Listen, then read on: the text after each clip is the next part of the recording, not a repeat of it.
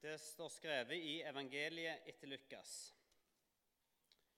Jesus fortalte disiplene en lignelse om at de alltid skulle be og ikke miste motet.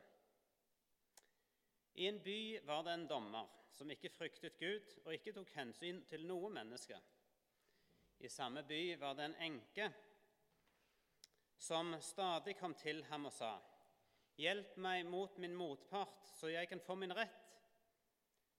Lenge ville han ikke, men til slutt sa han til seg, til seg selv.: Enda jeg ikke frykter Gud og ikke tar hensyn til noe menneske, får jeg hjelpe denne enken til hennes rett, siden hun plager meg slik. Ellers ender det vel med at hun flyr like i synet på meg. Og Herren sa, Hør hva denne uhederlige dommeren sier. Skulle ikke da Gud hjelpe sine utvalgte til deres rett? De som roper til ham dag og natt, er han sen til å hjelpe dem? Jeg sier dere, han skal sørge for at de får sin rett, og det snart. Men når Menneskesønnen kommer, vil han da finne troen på jorden? Slik lyder det hellige evangeliet.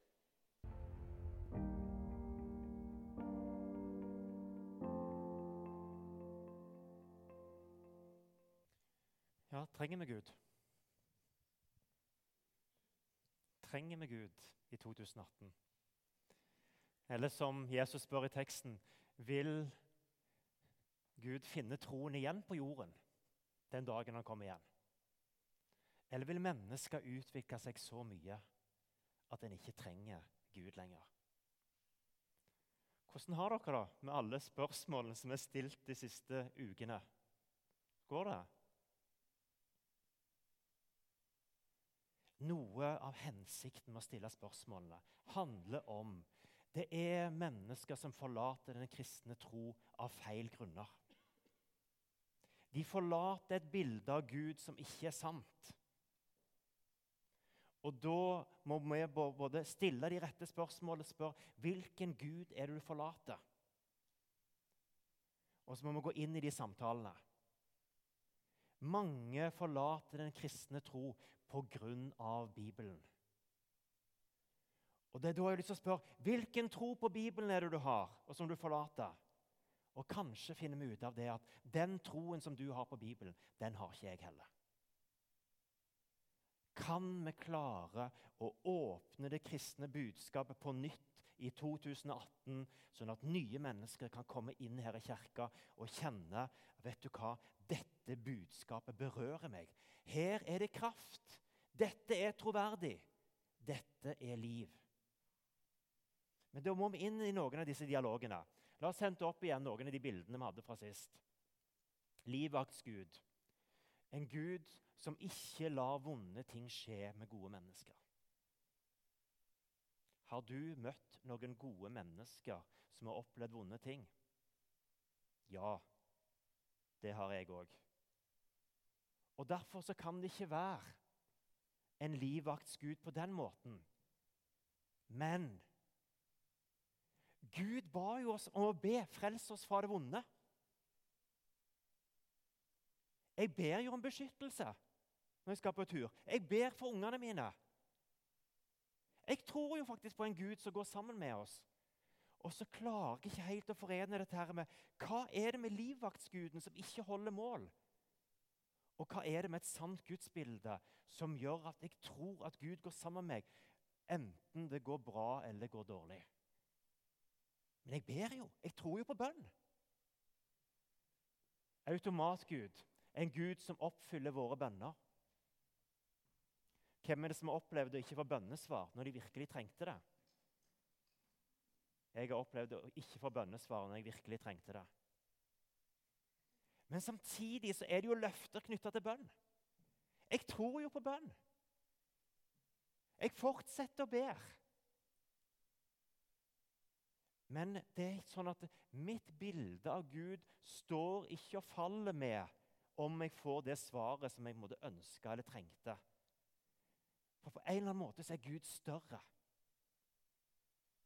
Jeg har ikke noe ønske om å gjøre Gud mindre, men jeg har et brennende ønske om å gjøre Gud større.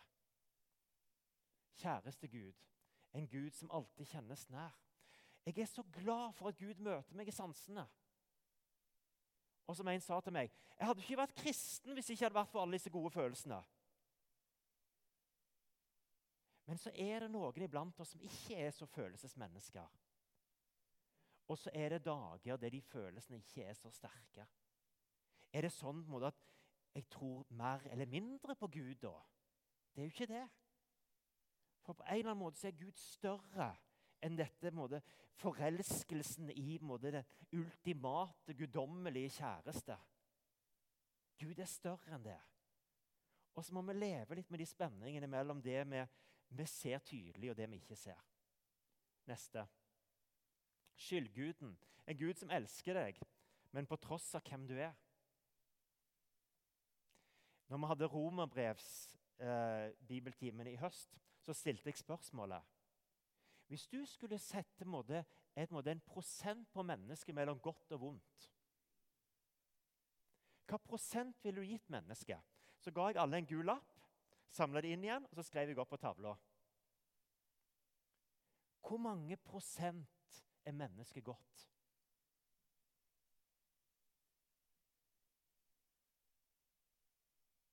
Det varierte fra 10% godt til 95% godt. I svarene som de 15 fra Ålgård menighet som var og hørte på bibeltimen, ga på er mennesket godt eller vondt.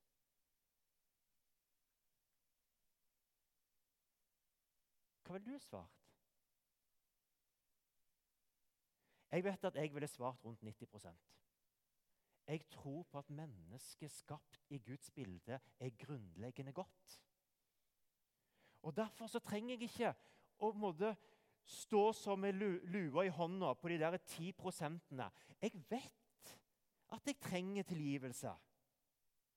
Men det er ikke sånn på en måte at det forderver dette her mennesket som står her. Det er ganske mye bra i meg, og det er ganske mye bra i deg. Og Derfor kan vi reise oss og kjenne at det å være skapt i Guds bilde og som Det står massevis av bibelvers i Bibelen på. Det gjør at vi kan reise oss og være glade for den vi er, for den kroppen vi har, for den personligheten vi har. Du kan glede deg over at du er du. Gud er ikke ute til å trykke oss ned på en måte få oss til å føle oss så bad om oss sjøl. Men Gud ser òg at vi er skyldige. Så ja, jeg er skyldig.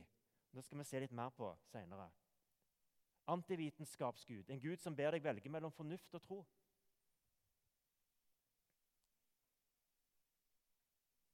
Men jeg tror jo på under.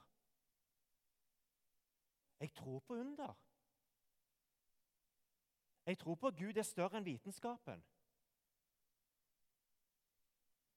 Men det er noen forklaringsmodeller som gjør at det skurrer så mye i Guds bilde at jeg må på en måte ha med dette antivitenskapsgud. Enten det er i forhold til psykologien. Når en gjeng med ungdommer mellom 20 og 30 planter ny menighet på Nærbø og legger i statuttene sine at det er pålagt å slå ungene sine fordi det, det står i ordspråkene. Bruk stokken tidlig på din sønn, så han lærer den rette veien. Det står i Bibelen.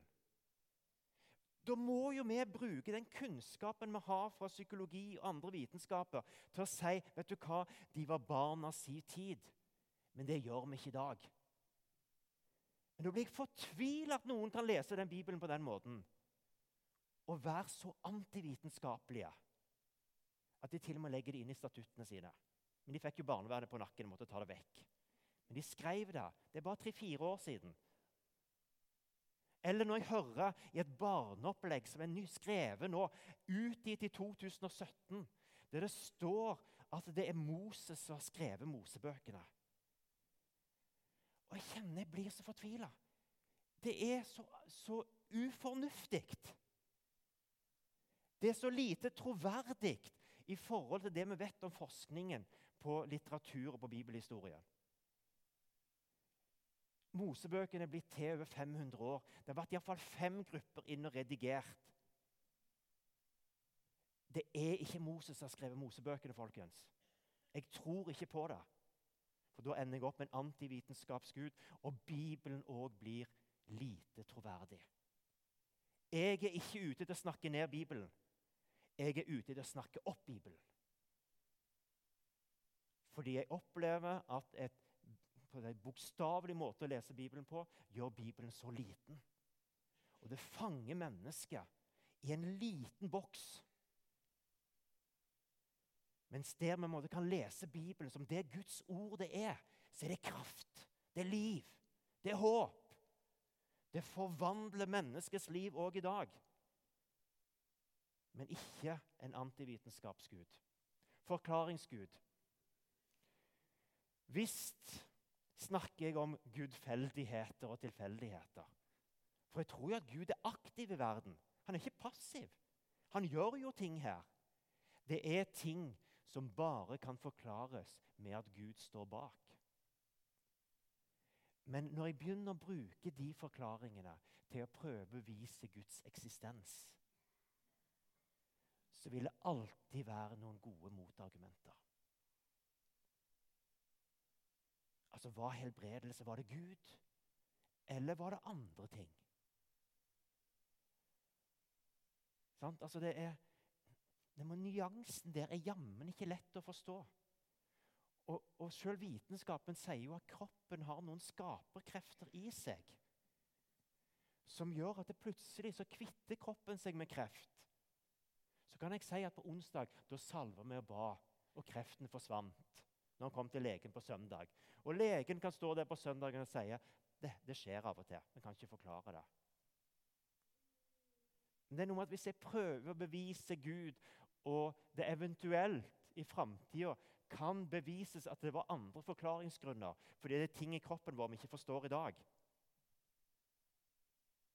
så er det noe med at da snakker vi ned Gud. Og For meg så blir det bare så tydelig. Hvis Gud hadde tenkt han skulle helbrede oss hver gang vi skada foten, hvorfor har han da skapt kroppen så fantastisk at den kan lege seg sjøl? Han hadde ikke trengt det. Og I mitt bilde av paradis så er det en fortelling som ikke står i Bibelen, men i min fantasi. Og det er at Adam brekker foten. Og Gud kommer gående der i kveldsprisen og hjelper Eva å spjelke foten. Og så må det gå en måned før han kan gå igjen. Og Den måneden hvor han går og humper der i paradis, i den perfekte Guds verden Han har litt vondt. Gud installerte ikke smertenerver i syndefallet. Det var det fra før. Smerte var en del av skapelsen. Sånn, I forhold til det at kroppen måtte gi beskjed. Og I den perioden så skjer det noe med relasjonen mellom Adam og Eva. Fordi Adam må ta imot hjelp. Han blir sårbar. Gud skapte sårbarheten, og den var der i fullt monn òg i paradis. Altså, det er noen ting at Vi må ikke gå så kjapt til å forklare. Eh, I alle fall ikke i et forsøk på å bevise. Men jeg kan likevel få si jeg tror jo at Gud griper inn. Det er ganske mange ting i livet mitt og i uker som har gått, som jeg kunne sagt vet du hva, jeg tror det var Gud. Jeg tror det var Gud som hjalp meg. Den ideen som jeg hadde når jeg våkna på torsdag morgen vet du hva, Jeg tror det var Gud. Jeg kjenner det var en sånn kraft i den. Jeg er overbevist om det var Gud. Men hvis jeg hadde begynt å forklare den til dere nå, at nå må dere tro på Gud For vet du hva han sa til meg på torsdag morgen? Så hadde dere sittet sånn og sagt Ja, særlig. Du er god til å dikte, Oddbjørn. Men jeg tror det var Gud, og jeg takker Gud for de ideene han ga til meg. Sånn, så mine forklaringsmodeller har masse med Gud å gjøre. Men det er noe med måten vi bruker det på. For vi ønsker å åpne veien for mennesker til Gud, og ikke stenge veiene. Jeg fant ut et par gudebilder til. Uh, Straff, belønning var det innom det sist. Men du har forhandlingsguden òg. Den finner du faktisk i Bibelen. Der Abraham forhandler, no, Lot Det er masse forhandlinger med Gud i Bibelen. Og Den har tre varianter, har jeg funnet ut. Og Det ene er hvis du, Gud, så skal jeg gjøre. Sånn? Hvis du gjør sånn først, så skal jeg. Det er Jakob. sant? Gud, hvis du hjelper meg nå, så skal jeg gi tienden av alt jeg eier, til deg resten av livet. Han forhandler med pengene. Sånn? Så har du den Hvis ikke du, Gud, så gjør ikke jeg heller. Sånn? Hvis ikke du, så ikke meg. Jeg fant ikke noe godt bibelsk eksempel på det, men jeg er helt sikker på at folk har forhandla om det. Og så har du den tredje varianten, der en går inn og forhandler med Gud for å prøve å påvirke Gud. Altså, og det, Der står det noen ord i Bibelen at de som ba, var med å påvirke Guds plan og det Gud gjorde. Og Av og til så tenker jeg det at mm, det er noe som skurrer der. Er det sånn at Gud er uvillig? Sånn som den dommeren vi hørte i teksten, som ikke, ikke vil hjelpe denne enka. Er fortellingen der mas, mas, mas, mas helt til Gud svarer? Fordi Gud vil at vi skal mase. Han er som kjipe foreldre som ikke vil gi sjokolade på en fredag. Skal vente til lørdag. Men det er et bilde av Gud det som jeg ikke liker. Jeg liker ikke et bilde av Gud som er uvillig til å gi oss gode ting utenom at vi maser. Og Derfor så tror jeg ikke på forhandlingsguden heller. Jeg gjør ikke det. Men det jeg tror på, det er det å rope til Gud. Og jeg diskuterer litt med Gud av og til. Hva skal jeg gjøre nå? Eller Gud, det der syns jeg var dårlig gjort. Eller Gud, hvordan kan du tillate at sånne ting skjer? Jeg har behov for å rope. Og Salmenes bok folkens, er jo ei bok full av rop i alle slags livssituasjoner. Når mennesker er på topp og står og danser som LOG, i ekstase foran Gud, og til det djupeste mørket Det kommer til Salme 22 og sier, 'Min Gud, min Gud, hvorfor har du forlatt meg?' Bare la meg dø. Hele spennet er der. Og det gjør Bibelen så troverdig, folkens. Bibelen er så troverdig. Det blir så sant.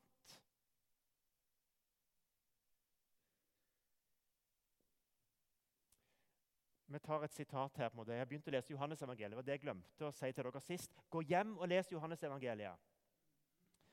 Og Da kommer jeg til 539. Dere gransker Skriftene, for dere mener at dere har evig liv i dem. Er det noen som har lest Bibelen bokstavtro før i tida? Ja, ja, ja. Og så sier Jesus, men det er jo de som vitner om meg. Det er jo de som vitner om meg. Når Bibelen slutter å være en veiviser til Jesus, så slutter han å være Guds ord til oss. Når Bibelen slutter å være en veiviser til Jesus, så slutter han å være Guds ord til oss. De peker på meg. Og vet dere hva? Jeg var jo innom dette med Gud som far sist.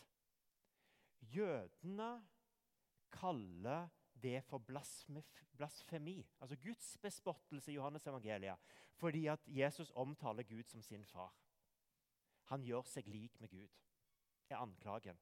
Så det er bare så tydelig at det med Gud som far og Gud som måtte stå, Gud som relasjon hadde de i pakten. Sant, i gamle testamentet. Pakten var veldig tydelig på relasjonen. Men det å tenke måtte, Gud som far og bruke et menneskelig bilde på det at vi på hører til hos Gud, og at Gud er en del av vår hverdag, det var fremmed på Jesus' i tid. Så Jesus bringer inn noe nytt. Gud er ånd. Det betyr at det fins en større virkelighet enn den som vi ser og sanser. Gud er far og relasjon, og Gud er kjærlighet. Og så er Gud rettferdig. Gud er rettferdig. Og det er et spennende tema. Men før vi går inn i det, så tenkte jeg på det Jeg ga dere en måte gåte sist. På det derre Fins det skygge uten sol? Altså, det er jo sola som gjør at det blir en skygge. Fins det urettferdighet uten at det er en standard for rettferdighet. Og så leste jeg i, Vårt Land nå, nå, nettopp det der med at det er en ny gjeng i Oslo som er ute og diskuterer eh, mot Gud på Karl Johan. Eh, og det slår meg litt igjen hvor mange av de som er ateister, eller må du velge en sånn bevisst De er egentlig mest mot noe. Og lite for noe. Det er litt karikert, for det er mye menneskeverd og det er mye menneskerettigheter. der også. Men jeg synes i mye av dialogen, av det som kommer fram i media, så er det mye mot noe.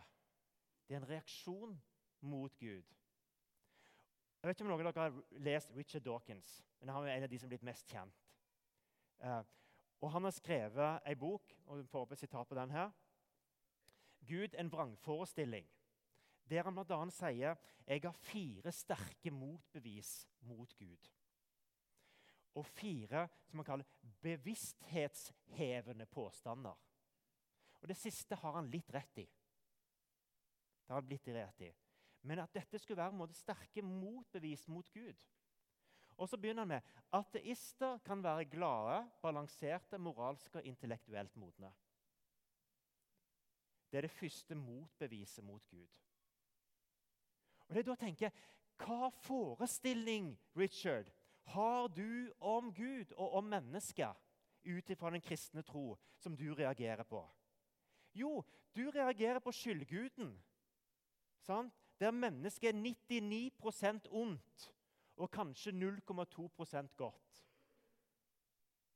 Og du reagerer på kristne som har rakka ned på deg som ateist og sagt at du ikke kan ha et godt liv fordi du ikke er kristen. Mens når jeg tenker liksom dette her kan være glade Kan en ikke-kristen være glad? Selvfølgelig.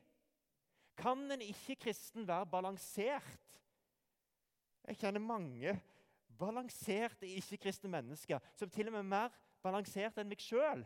Irriterende nok. Fins det ateister som er moralske? Takk og lov. Halleluja for at det fins mange ateister som er moralske. Og fins det ateister, ateister som er intellektuelt modne? Yes, det er det. So what's the problem, Richard? Jeg ser ikke problemet. Men kanskje, kanskje ligger det en liten advarsel til oss likevel på det der med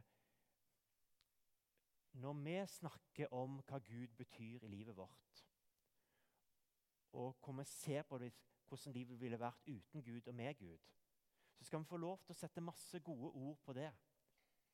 Men vi må gjøre det med en respekt for at andre som ikke er der, òg kan ha et fullverdig liv. Trenger vi Gud? Jeg var så siste resept Parfé Puggeli nå på tirsdag. Og Han går jo veldig langt til å åpen for det åndelige. Men han sier 'jeg tror ikke på noe Gud'. Veldig tydelig. Men for et fantastisk menneske. Og for en sterk historie. Jeg var så berørt av den fortellingen den kvelden. Det var kjempesterkt. Og det er nesten så jeg kan tenke at Per Fugelli, måten du beskriver det på, relasjonen til kona di og alt det der. Det høres så vakkert ut. Jeg misunner deg den ærligheten og den gleden over livet. Jeg håper at jeg nå blir et gammelt menneske en gang, kan ha samme takknemligheten og samle engasjementet for livet som Per Fugelli. Så er det ikke sånn at ja, jeg tror på Gud, og derfor er jeg bedre enn han som ikke tror på Gud. Vi må snakke sant om ting. Og ved å snakke sant om ting så kan vi òg åpne veien for Gud. Og da er vi på Gud og urettferdighet. Jeg skulle ønske dere var med Between-gjengen 7. klasse etter skoletid forrige uke. Da fikk vi et påstand med sånne påstandskort. Hvorfor er det så mye vondt i verden? Vær så god, du begynner. En sjuendeklassing som begynner. Og så begynner den sjuendeklassen å reflektere litt om at vi mennesker gjør noen dårlige valg. Også eksempel fra krig. Sånn? Det handler jo om noe om makt og egoisme og noen som mennesker gjør, som er med å ødelegge og bryte ned.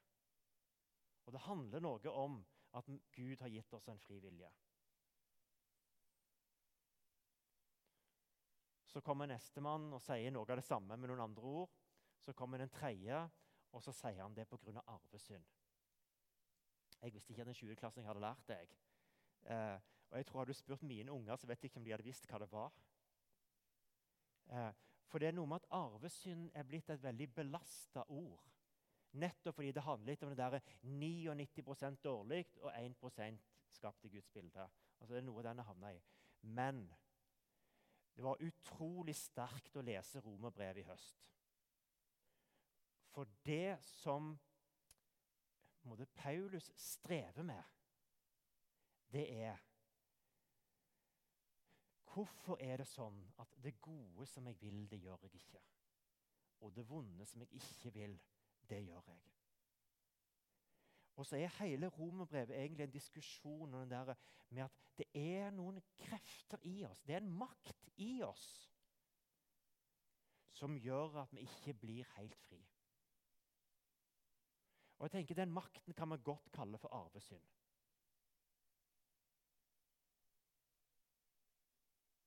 Og om det kom inn med epletre, og hvordan det kom inn ok, Der vil vi ha ulike forestillinger om hvordan dette skjedde. Men det fins en makt som mennesket ikke klarer å fri seg sjøl fra.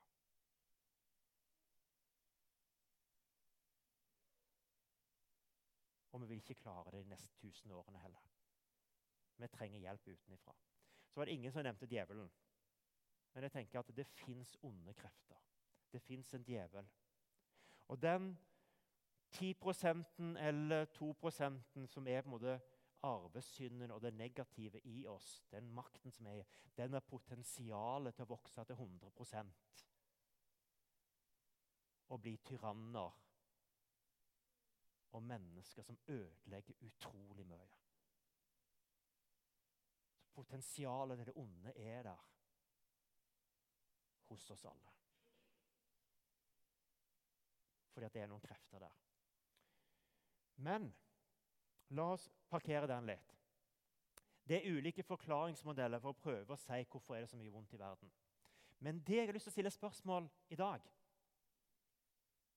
Og igjen Det er La oss begynne med at hvis det er en god Gud Enten så kan han ikke, da er han ikke allmektig. Eller så vil han ikke, og da er han ond. Eller så fins han ikke. Det er de typiske motforestillingene mot hvorfor gjør ikke Gud noe med det. Men hvis vi snur det litt på hodet og Det kan godt være noen opplever at dette må det blir, må det, nå tar du det en helt annen vei, og du lurer oss. Oddbjørn. Det kan godt være. Men jeg har lyst til å stille et helt annet spørsmål. Blir verden mindre urettferdig hvis vi tar Gud ut av regnestykket? La oss anta at Gud ikke fins. Blir verden mindre urettferdig av det? Ja. Hvis jeg får lov til å definere hva som er rettferdig og urettferdig, slik det har skjedd i utallige folkeslag opp gjennom historien. Det er enkeltmennesker, det er maktgrupper, det er de som har hatt mulighet til å definere dette er rettferdig og dette er urettferdig. Når kong David sitter på, på tronen og sender Urias til å bli drept og overta kona hans, så mener han at det er rettferdig. For en konge har rett til det. Og Sånn har det vært opp gjennom historien. Så verden blir litt mindre urettferdig fordi at vi omdefinerer hva som er urettferdig. Men med en gang jeg har sagt dette, så vil alle si nei. Verden er like urettferdig om vi tar Gud ut av regnestykket. Og det andre spørsmålet de som opplever mest urettferdighet i denne verden, de som opplever mest vondskap, er det de som har de største problemene med å tro på Gud?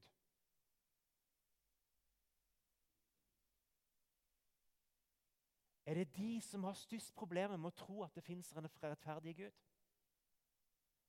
Er det i Afrika, Latin-Amerika, i deler av Asia at troen på Gud er minst i verden fordi de har det så vondt? Eller de første kristne som ble torturert, som ble forfulgt? Eller koptiske kristne i dag som står lavest på rangstigen og får ikke jobb eller får ikke utdannelse? Er det de som stiller spørsmålstegn om Gud fins fordi verden er urettferdig? Nei. Hva er det de gjør? De klamrer seg til Gud. Og De klamrer seg til Gud av i alle fall to grunner. Og Den ene grunnen er Gud, du skal holde uretten ansvarlig. Du skal holde Den som begår urett, skal du holde ansvarlig fordi at du er rettferdig. Og det fins en rettferdighet som gjelder for alle mennesker, uavhengig av livssituasjonen, uavhengig av status. Den rettferdigheten er på en måte absolutt og gjelder for alle mennesker. Og den skal Gud en dag sørge for at all rettferdighet blir oppfylt. Men ikke bare det. Den som opplever urettferdigheten, klynger seg til Gud fordi det gir håp. Håp jeg er ikke alene.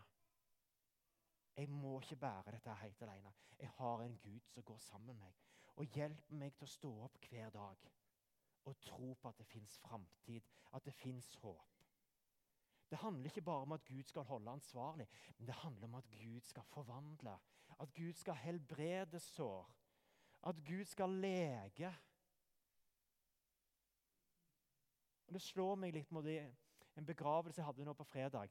Og Det er helt åpent, måte, så det er ikke noe, noe hemmeligheter jeg avslører. I forhold til store psykiske problemer siden 30-åra, eh, og som har prega familien. Og så tenker jeg, kjære Gud, må du stelle fint med Gunvor når hun kommer til himmelen. Må du stelle fint med henne. må du lege de sårene som er der. Og det gir meg så håp i møte med døden på at Gud kan lege, og Gud må begynne den legedomsprosessen her og nå. Men det gir så håp på at Gud kan forvandle mørket. Og at Gud er lys som bringer lys inn i mørket. På veien ut så må dere ta en kikk på de to bildene fra stasjonsklubben. De hadde maleprosjekt. Jesus verdens lys. Og det slår meg, Jeg har valgt to bilder som kombinerer både mørke og lyse farger. Det var Noen som var veldig lyse og veldig glade, men jeg har lyst til å ha kombinasjonen. Og så tenker jeg det at det er så fantastisk at de bare i en sånn kreativ prosess har malt noen flotte bilder som kombinerer lys og mørke. Og I det ene bildet er det mest mørke, men inni der så lyser korset. Inni der så lyser korset. Jeg har ikke alle svar på Gud og urettferdigheten. Men jeg har, et, jeg har en tro på en Gud som går sammen med oss. Jeg har en tro på en Gud som gir håp. Jeg har en tro på at Gud helbreder. Jeg er i Herrens hender. Jeg er i Herrens hender, både morgen og kveld. Lys og mørke, natt og dag, godt og vondt. Jeg er i Herrens hender.